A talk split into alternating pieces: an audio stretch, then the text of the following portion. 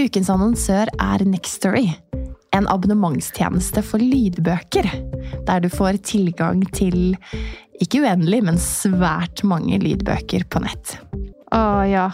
Et helt univers, rett og slett. For meg har det passet perfekt nå i vinterferien. For da har jeg hatt ekstra tid eh, til å gå lange turer og lytte til bøker.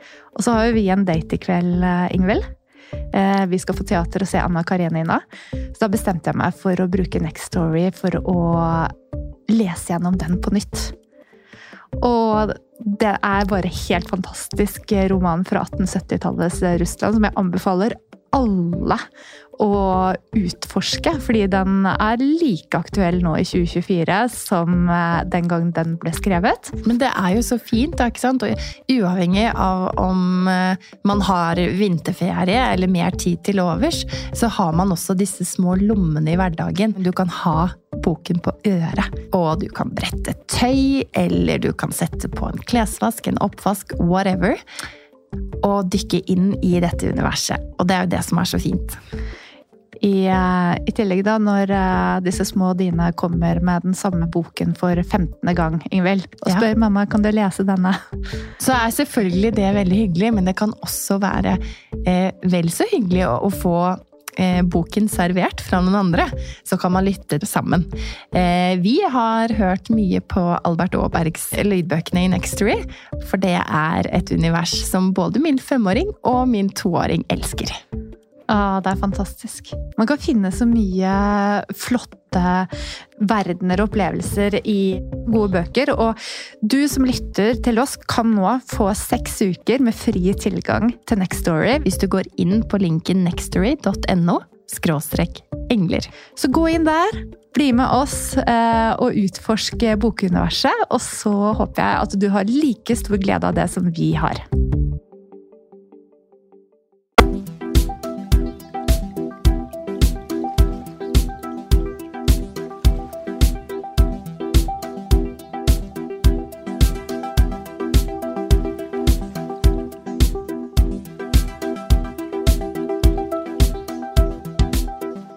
Velkommen til Engler og hormoner. Inspirasjon og ny kunnskap om helse, selvutvikling og livsstil.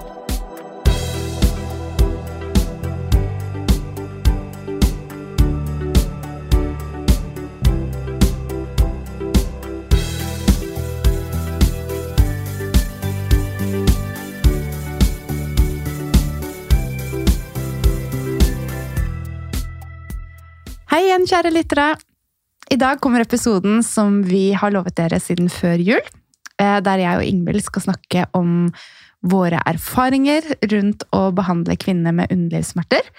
Og trekke inn osteopatien eh, i det, det som er vårt fagfelt. Fordi til vanlig så sitter jo ikke vi her i podkaststudioet, Ingvild. Vi er jo på klinikken og jobber. ja, det stemmer, Mona. Dette her er en sånn eh, bibeskjeftigelse, eller hva man skal kalle det. Det er et eh, fint prosjekt som vi har ved siden av vår egentlige jobb. Og som jeg kanskje har tenkt litt på i det siste, at vi ikke har løftet frem så mye her i podkasten. Så kanskje dagen i dag er liksom dagen å gjøre det på? Ja, jeg syns det.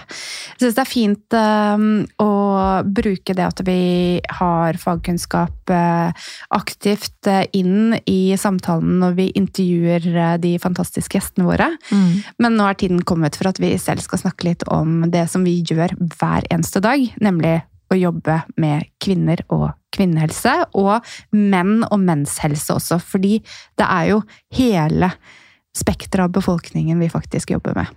Ja, absolutt. Mm. Det er det, det, er det Mona. Mm. Så la oss starte med å definere og forklare lytterne våre hva osteopati er. Fordi det er jo ikke alle som kjenner til osteopati som behandlingsform. Mm. Det er alltid et vanskelig spørsmål å skulle svare på, men vi prøver så godt vi kan for å gi et klart og tydelig bilde på hva det er vi egentlig gjør denne mystiske osteopaten. Mm. Og I stor grad så handler det jo om å finne sammenhengen ikke sant? mellom de plagene og smertene som pasienten har, kroppen og pasientens hverdag. Og det er jo for å kunne redusere plagene, og ikke minst for å bedre livskvaliteten til den personen vi møter inne på klinikkrommet hver eneste dag. Og hvordan er det vi går frem da, for å få til dette her? Og hendene er jo vårt aller, aller viktigste verktøy. Og i det så legger vi da den manuelle behandlingen. Og det gjør vi da i lys av kroppens ulike kroppssystemer. Og det kan være f.eks. nervesystemet, sirkulasjonssystemet, respirasjon, eh, pusten vår altså, og muskel-skjelettsystemet. Og det setter vi da ofte i, i kombinasjon, egentlig, med veiledning for å kunne ta gode valg i eget liv og, og for egen helse. Um, så vi legger jo ofte til litt øvelser, litt spesifikke øvelser ut fra de funnene vi har. Men det som er viktig, det er jo at alle de tiltakene vi gjør, enten det er eh, behandlingen på benken eller med bevegelser og øvelser, så gjøres jo det med pasienten i sentrum. Med hennes plager, hennes historie og hennes mål og ønsker for hvordan man skal gå frem og videre, og hva som er hennes mål. Ja, og det er, eh, det er altså Smerter og funksjon er jo ofte det eh, som blir målt også når man ser på forskningsartikler. altså At man bedrer funksjon, og at man får mindre smerter. Det er ofte det som er i sentrum. og sånn sett så kan man jo si at man er i slekt med fysioterapeutene og kiropraktorene og naprapatene og eh, manuellterapeutene, fordi vi driver jo med manuell medisin. Men så er det sånn at eh, vi bruker litt ulike teknikker, og så har vi også mye felles i form av forskningen og tester og undersøkelser og sånne ting som vi gjør for å finne ut av dine plager. Og så det, tror jeg det er liksom det at vi, vi brenner for å finne ut av disse løsningene som gjør at vi blir så veldig opptatt av hele spekteret med helse. Mm og at vi grenser inn imot altså de, eh, de tingene, mentale prosessene, for eksempel, som vi ofte har tatt opp her i podkasten. For det er, også, er jo kjempeviktig. Så vi er en del av et team. Og kanskje i enda større grad nå enn vi har vært tidligere, Ingvild. Ja. ja. Du og jeg vi hører jo litt sammen som et tospann, Mone. Mm. Men nå har vi fått fantastiske, dyktige kollegaer som vi også er sammen med under samme tak, men som har helt andre eh, Ja, representerer helt andre faggrupper enn oss selv. Mm. Eh, og det som er veldig relevant da, for denne episoden vi spiller inn i dag, det er jo at Ida Bjørntvedt, som er gynekolog og tidligere overlege på, på Ullevål og Vulvaklinikken, eh, har startet sammen med oss, og at vi nå virkelig setter inn støtet um, for vulvapasientene. Ja, altså vi, lage, vi lager en egen tverrfaglig vulvaklinikk, og det er kjempespennende å gå inn i eh, en ny dynamikk. Eh, vi har jobbet med fantastiske kollegaer før og hatt samarbeid med gynekologer, men nå sitter vi vegg i vegg. Og vi lover at vi skal dra mer av de erfaringene over i en episode til høsten, når vi har faktisk falt inn i å ha bygget erfaring over tid også. Mm. Eh, men vi ser jo allerede nå at kommunikasjonen blir noe helt annet. Definitivt. Mm. Og vi sitter faktisk her og spiller inn denne episoden på selveste kvinnedagen. Eh, og denne episoden slippes jo da rundt om ca. en ukes tid. Men Sett i lys av det, og det som skjedde forrige uke med Norsk offentlig utvalg øh, hvor vulvalidelser og vulvodyni blir nevnt spesifikt, så er det jo dette her med fokus på den tverrfaglige biten. Eh, og med oss øh, på laget på en vulvaklinikk, så er det jo oss, da, osteopatene, som driver den manuelle behandlingen og fysikalske tilnærmingen og gynekologene som vi har snakket om. Men det er også viktig å ha hudlege, sexolog, psykolog, ideelt sett en urolog eller en proktolog også. Mm. Um, og klinisk ernæringsfysiolog, som vi også har snakket om. Eh, som, eh, som, det blir også bare veldig spennende å kunne åpne for eh, flere differensierte behandlingstilbud. For litt av utfordringen er vel også, sånn som nå, er at det er lang ventetid. Eh, og eh, mange får for lite behandling, eh, og kanskje ikke persontilpasset behandling. Mm. Sånn at det her det er, Når vi snakker om kvinner med underlivsplager, så er det jo også når vi skal gå inn i dette temaet i dag, viktig å poengtere at det er veldig ulike årsaker til at kvinnene får smerter. Ja. Og derfor så trenger de også ofte ulike behandlingsforløp. Mm. Ja, Vulvodyni er jo ofte det som vi kaller for en sånn multifaktoriell lidelse. Og det må vi jo adressere med mange ulike behandlingsplaner som påvirker egentlig hele kroppen. Og for eksempel da, så er det jo sånn at kvinner med vulvodyni de har også ofte kroniske ryggsmerter. De kan ha eh, andre plager eller lidelser som fibromyalgi, ME, hodepine, migrene, eh, pudendusnevralgi, endometriose, smerter omkring blære og vannlating. De kan ha irritabel tarmproblematikk, eh, kjevesmerter Ja, Mm. rekken, listen er ganske lang. Ja, og det er um, et sitat fra en av våre mentorer, altså Christian Fossum. Han sier også 'treat the whole, not just the whole'. Ja, altså, man skal se på hele kvinnen, ikke bare skjeden og, og bekkenbunnen. Og det er kjempeviktig. Og det er også en ting som, som blir viktig for oss å dra med inn i den tverrfaglige erfaringen.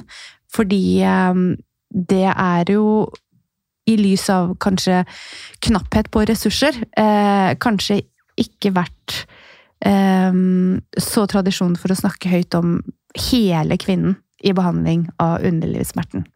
Eh, men det mener jeg ikke at det ikke har vært gjort i det hele tatt av noen, men, men jeg tror det er viktig å systematisk gjøre det. Vulvodeny, smerte i underlivet, kan ha mange årsaker.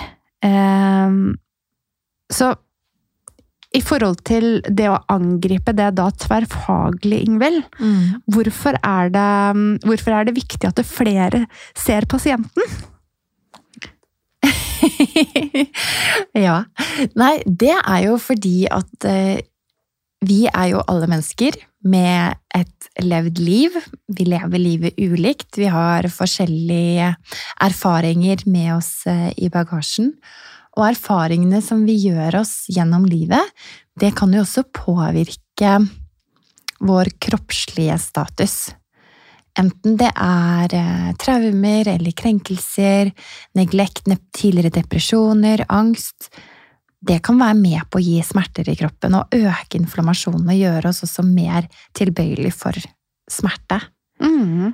Og det er ganske viktig, og det betyr ikke at det er måtte, toppetasjen som er eh, hovedårsak til plagene, men det gjør også at det er viktig at vi har den tverrfaglige tilnærmingen. Fordi vi er mennesker. Vi er fulle og hele mennesker. Mm. Og så er det ulike årsaker til at kvinnene får smerter. Sånn at noe trenger jo å adresseres med medisin. Eh, Noe er mer traume og krenkelser, som du sier, mens det kan være hudlidelser og um, Behandlingsplanen ligger jo ikke alltid uh, i våre hender. Eh, men um, Kanskje skal man starte ett sted, og så ender man opp hos oss, eller kanskje veien er å gå at man først starter med den fysikalske biten, eller med osteopati, da, og så går man over til eh, mer sånn psykoterapi eller samtaleterapi, eller hos sexolog, sexologisk rådgivning. Mm. Så jeg syns det er interessant å se tilbake på historikken av alle de fantastiske vulva-kvinnepasientene jeg har sett. Eh, og så ser jeg også det er veldig ulike årsaker til at man får vondt, og noen har jo eh, smerte fra eh, fra de har seksuell debut eller prøver å sette inn en tampong for første gang, f.eks. Mm. mens andre opplever at det skjer en endring, og at man får smerte senere i livet. Og det er, eh, det er eh, ulike årsaker da for disse kvinnene til at de opplever smerte, og i den forbindelsen så vil man også da søke å gå inn i å behandle hovedårsaken, i tillegg til de kanskje spenningene og vedvarende eh, sensitiviseringene som har gjort at eh, smertebuen oppholdes, da. Ja, ikke sant? For eksempel så kan det jo være liksom mekanisk indusert. Mm. Kanskje kvinner plutselig etter en fødsel og etter at det har kommet inn et klippe og vakuum, har utviklet kroniske underlivssmerter. Kanskje det er eh, selve måte traume direkte mot muskulatur og bindevev og nerver som er med på å, å um, trigge disse plagene. Eller kanskje det er eh, som en pasient, pasient, Kassus, jeg husker, en kvinne som første gang hun hadde menstruasjon, eh, var på reise eh, og måtte da sette inn en sånn Tampax eh, som de har i USA. Og de er ganske harde som plasthylstre, så hun fikk, som skadet seg selv litt med den. Eh, og hatt smerter siden, men endte opp med da å ikke ha blitt undersøkt i bekkenbunnen, sånn at man hadde en veldig klar, egentlig lokal provosert Mm. vulvodyni som med bare et par behandlinger gikk over fordi at den var så lokal og spesifikk. Eh, sånn at, ja, ulike årsaker. Man må lete litt bakover i historien da, for å finne måter å adressere smertene på. Mhm. Mhm. Og så har du jo den mye mer på en måte generaliserte vulvodynien også, som er kanskje mer hormonelt betinget. Kanskje når slimhinnene også blir mye sårere og tørre mot overgangsalder. Mhm. Og hva er det på en måte den hormonelle eh, faktoren spiller av rolle for kvinner med vulvodyni? Det er veldig mange, altså det er jo et bredt og stort tema, alt dette her. Her har vi veldig mye mer å lære også, og det Mm. er, jeg er helt sikker på at det kommer til å komme flere alternativer på behandlingsfronten der når man får mer kunnskap om uh, hvordan dette påvirker.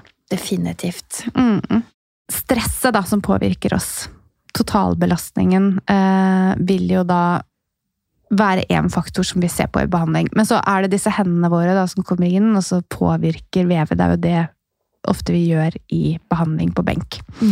Så, så mange blir jo også litt usikre på hva er det egentlig dere gjør med hendene. Um, og på en måte så, så jobber vi for å øke sirkulasjon i veldig mange uh, i veldig mange tilfeller, men også flyten av pust. Mhm. uh, og disse to tingene jobber jo sammen. Og det som er så viktig å se på, er jo hvordan kroppen vår jobber sammen når pusten eh, endre trykket innvendig, hvordan det øker sirkulasjonen, og hvordan eh, stram muskulatur kan bidra til å senke ned sirkulasjonen lokalt. lokalt. Mm. Eh, og da er det så viktig å se på anatomien, rett og slett. Eh, veldig mange er jo vant til å tenke anatomisk i forhold til eh, at man har en skulderskade. Eh, og ha utstrålende smerte ut i armene. Eller om man har opplevd å få en bløtvevskade som har hevelse. Eh, som er et traume, som man også får altså hevelse etter man har født barn, for eksempel. Men så er det det at bekkenbunnen og bekkenområdet ligger skjult inni denne fantastiske knokkelskålen. Så man ser det jo ikke nødvendigvis så godt fra utsiden.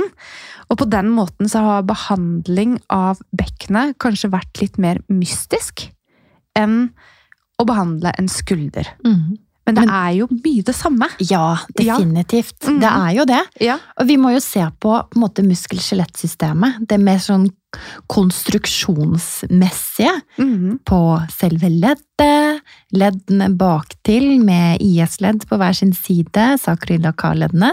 Nå klarte ikke jeg å si L. Sakroiliakalleddene. Og symfysen. Og symfysen, lumbosokrale overgang, hoftene.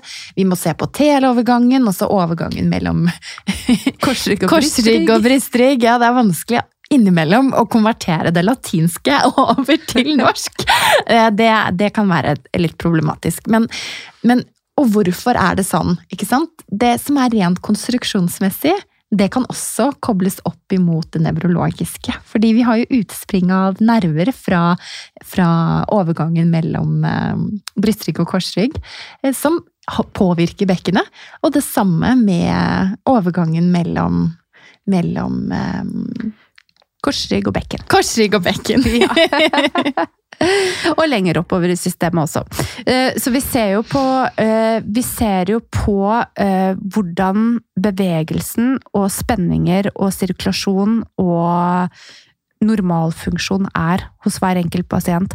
Og da er det også faktisk kanskje relevant å sjekke føttene. Hvis det ligger en historikk der at man har hatt skade i en fot, at man f.eks. bruker hoften da på en kompensatorisk måte, noe som igjen kan påvirke bekkenbunnen. Mhm. Fordi det er en dynamikk i kroppen. Mhm. Og et eller annet sted eh, ligger årsaken til at du opplever nedsatt funksjon eller smerte. Mm. Det er et lukket rom-mysterium. Akkurat som Agatha Christie-romanen, som jeg pleier å si. Det er alltid en løsning på mysteriet hvorfor mm. du opplever smerter. Mm. Mm.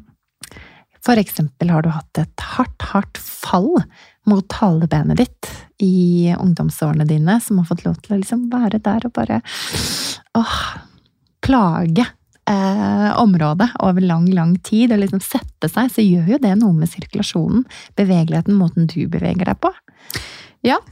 Det kjenner jo du nå, der du sitter på halvbenet ditt. Ja, det, ja. det, er sant. Kanskje det ikke var så rart at jeg akkurat tok opp, tok opp det som et eksempel. Stakkars Ingvild. Eh, men, men, ikke sant, og det er derfor det er viktig å bruke tid eh, på sykdomshistorien. Og finne ut altså, hva er bakgrunnen, og hva er denne personens levde liv, som du så fint sa i sted. Eh, og så, ehm, hvis man da har ehm, identifisert en årsak til smertene, da, hvis man er så Hvis man har kommet dit, eh, så er det jo ikke alltid at det er bare å trykke på en knapp og skape en endring heller. Sånn at eh, når, når man er eh, sensitivisert i et område, kanskje man har tatt nedsatt sirkulasjon over tid, vevsforandringer, eh, så, så kan det være viktig både med lokal, men også global behandling. Altså man ser på hvordan hele kroppen støtter opp for at dette området skal få lov til å oppleve bedring. Mm. Mm. Og um, du var jo litt inne på dette med pust i sted. Ja. For å puste optimalt trenger vi jo god bevegelse i hele ribbekassen vår og mot skuldrene. Og vi trenger god mobilitet i eh, midtryggen vår og brystrygg. Mm. Sånn at det er jo Ja. Og der kan jo også fordøyelsen og graviditeter f.eks. påvirke pustemekanismen nedenfra. Men det kan jo også påvirkes av pusten. Ja. ja. Sånn at så det er jo gjerne en eh, årsak-virkningssammenheng som kan gå begge veier. At man av og til lurer på hva er høna og hva er egget. Mm. Men eh, en god pust og en god pustebevegelse vil bidra til å endre trykket innvendig i kroppen rytmisk på en måte som også da fremmer sirkulasjon og bevegelse. Mm. Og det å koble pustebevegelsen på bevegelsen til bekkenbunnen er veldig veldig viktig for mange som har bekkenbunnsdysfunksjon. Enten det er snakk om eh, hyperton, altså at det er veldig stor spenning, eller det motsatte. At mm. man ikke klarer å få kontakt med mm. muskulaturen. Mm -hmm. Absolutt. Og når vi puster inn og bruker diafragma mellom gulvet vårt til å puste, så mm. påvirker jo det direkte bekkenbunnen vår. Og det påvirker også at vi stresser ned. Mm. Og at vi på den måten kan bidra til å stimulere til avspenning og mindre stressnivå. Og det skjer jo da gjennom det vi mot, motparten til det vi snakket om i sted, med sympatikus, som er fyrt ved stress det parasympatiske nervesystemet, som gir rom for hvile og restitusjon. Og da har vi vagusnerven, som er en hjernenerve, som er en veldig viktig eh, del av det parasympatiske nervesystemet. Men vi har også pudendusnerven. Mm.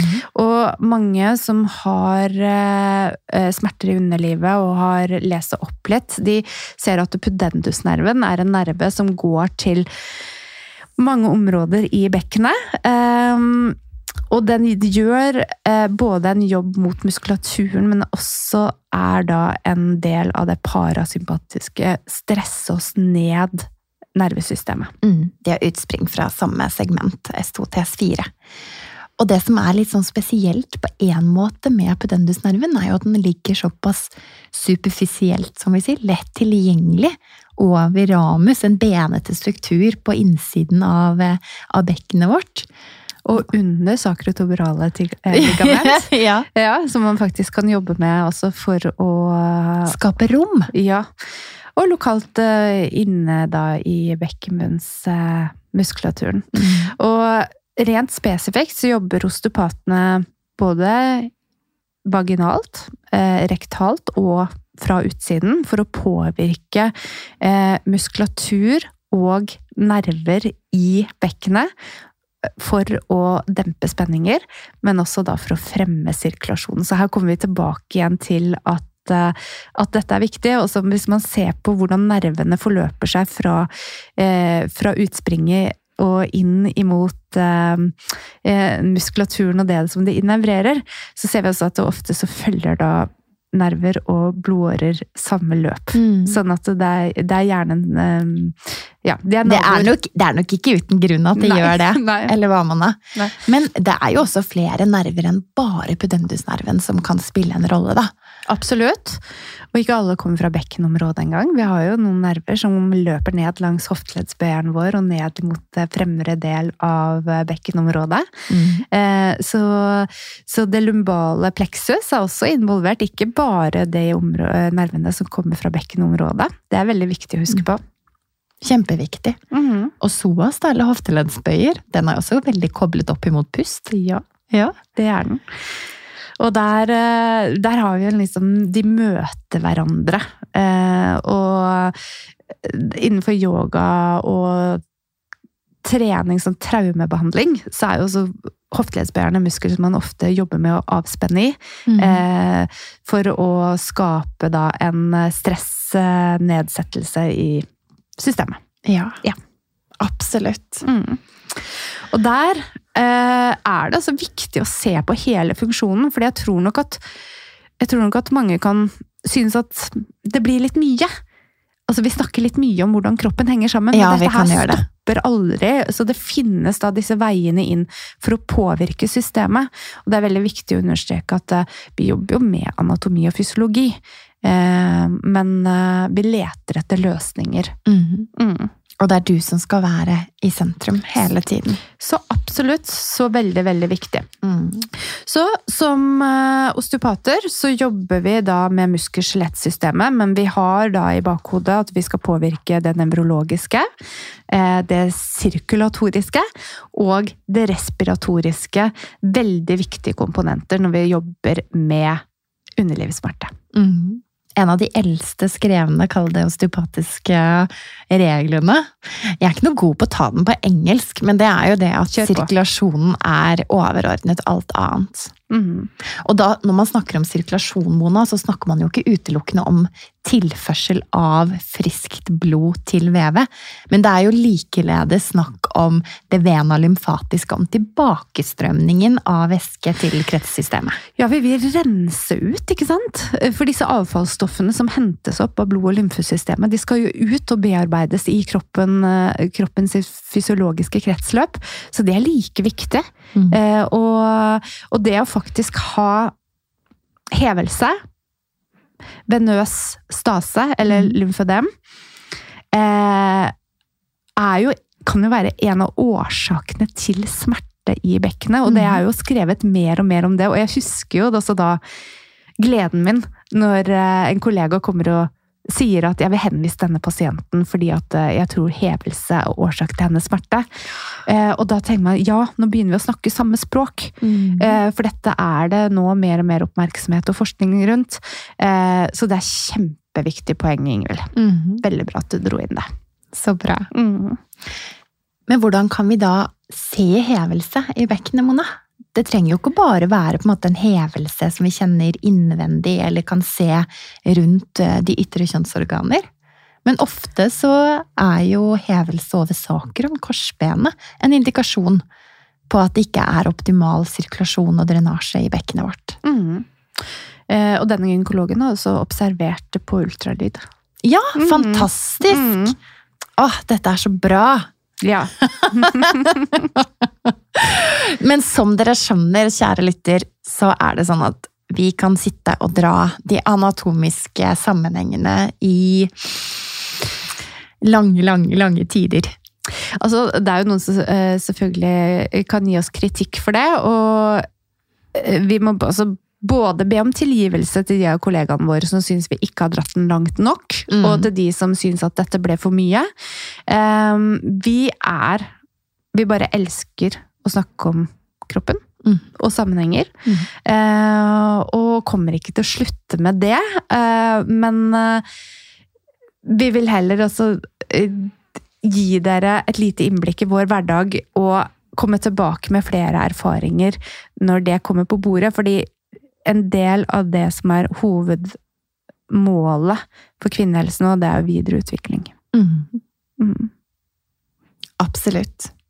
Men Mona, i tillegg til det som er rent osteopatisk, så har vi også selvfølgelig ulike protokoller som vi følger når det gjelder egenøvelser og tiltak hjemme, som vi samkjører med gynekologene.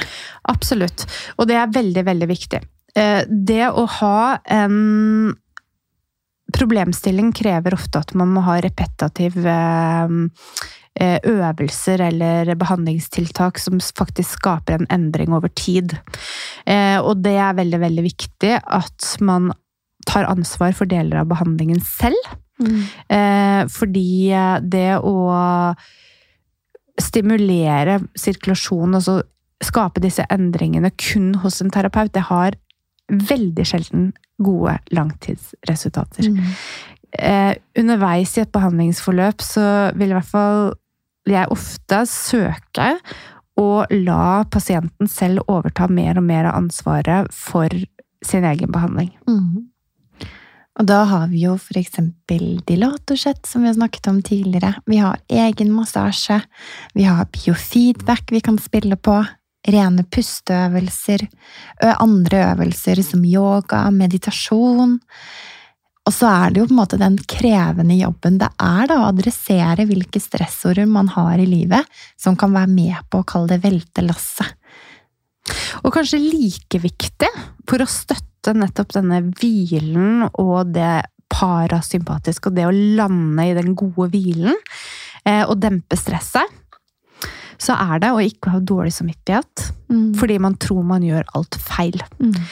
Det er en myte at, eh, at man skal slutte å trene, eksempel, når man har vondt i bekkenbunnen. Hvis man gleder seg over trening, så er det ingen grunn til å stoppe med det, og egentlig um, så er, er det litt eh, farlig å si til noen at man skal stoppe å trene, for det er egentlig noe av det sunneste vi kan gjøre for ja, kroppen vår. Eh, Så det er en myte som er kjempeviktig å avlive.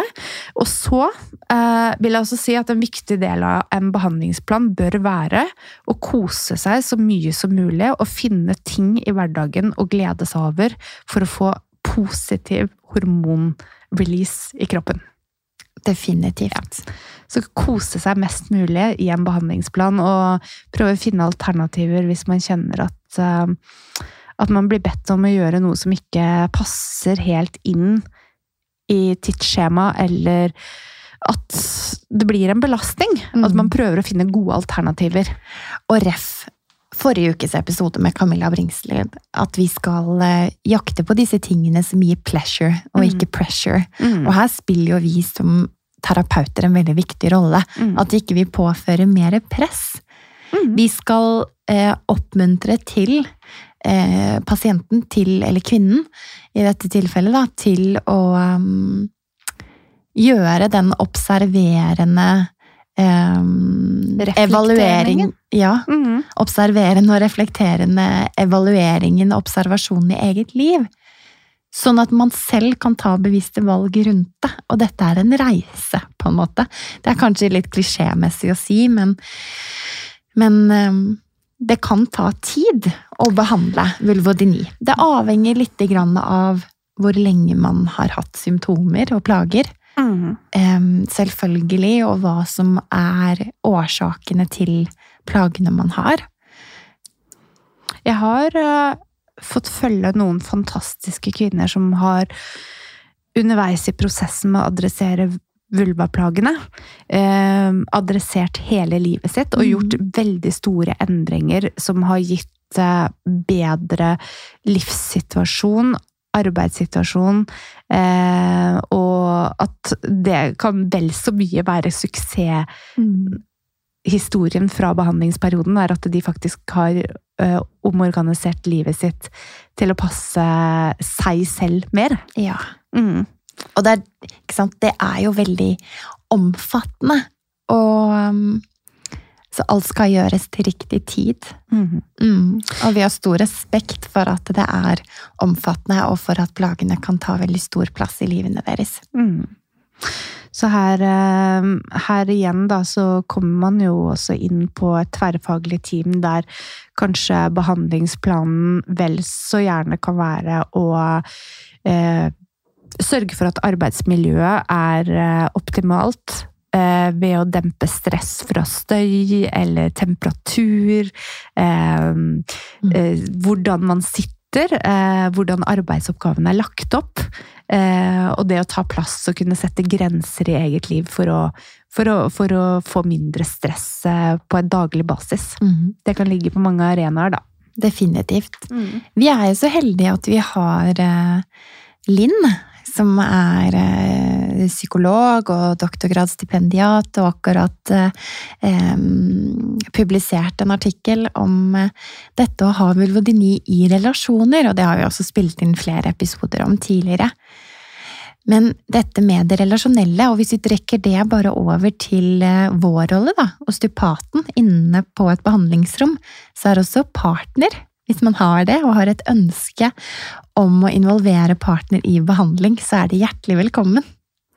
Og noen har absolutt ikke lyst til det, og det er også helt greit. Vi sitter jo og er utrolig heldige, Mona, som får møte kvinnene der de er i sine liv, eh, klare for å ta tak i sine plager, um, og med den aller største respekten for uh, hvor de er, eh, så har vi på en måte en sånn fasiliterende rolle, vil jeg si, med å støtte opp under kroppens prosesser på vei mot bedring, og på vei mot å få et bedre liv. Og så syns jeg det er morsomt da, at Um, jeg har jo bakgrunn som fysioterapeut. Jeg mhm. begynte reisen min der. Og når jeg gikk på universitetet, så, så lærte vi at bindevevet, det var bare der. Som en type fyllmasse i kroppen, og var rundt alt og mellom alt for å binde ting sammen. Også det med å jobbe med bindevevet er jo også en veldig viktig del av vår behandlingsplan. Ja, absolutt.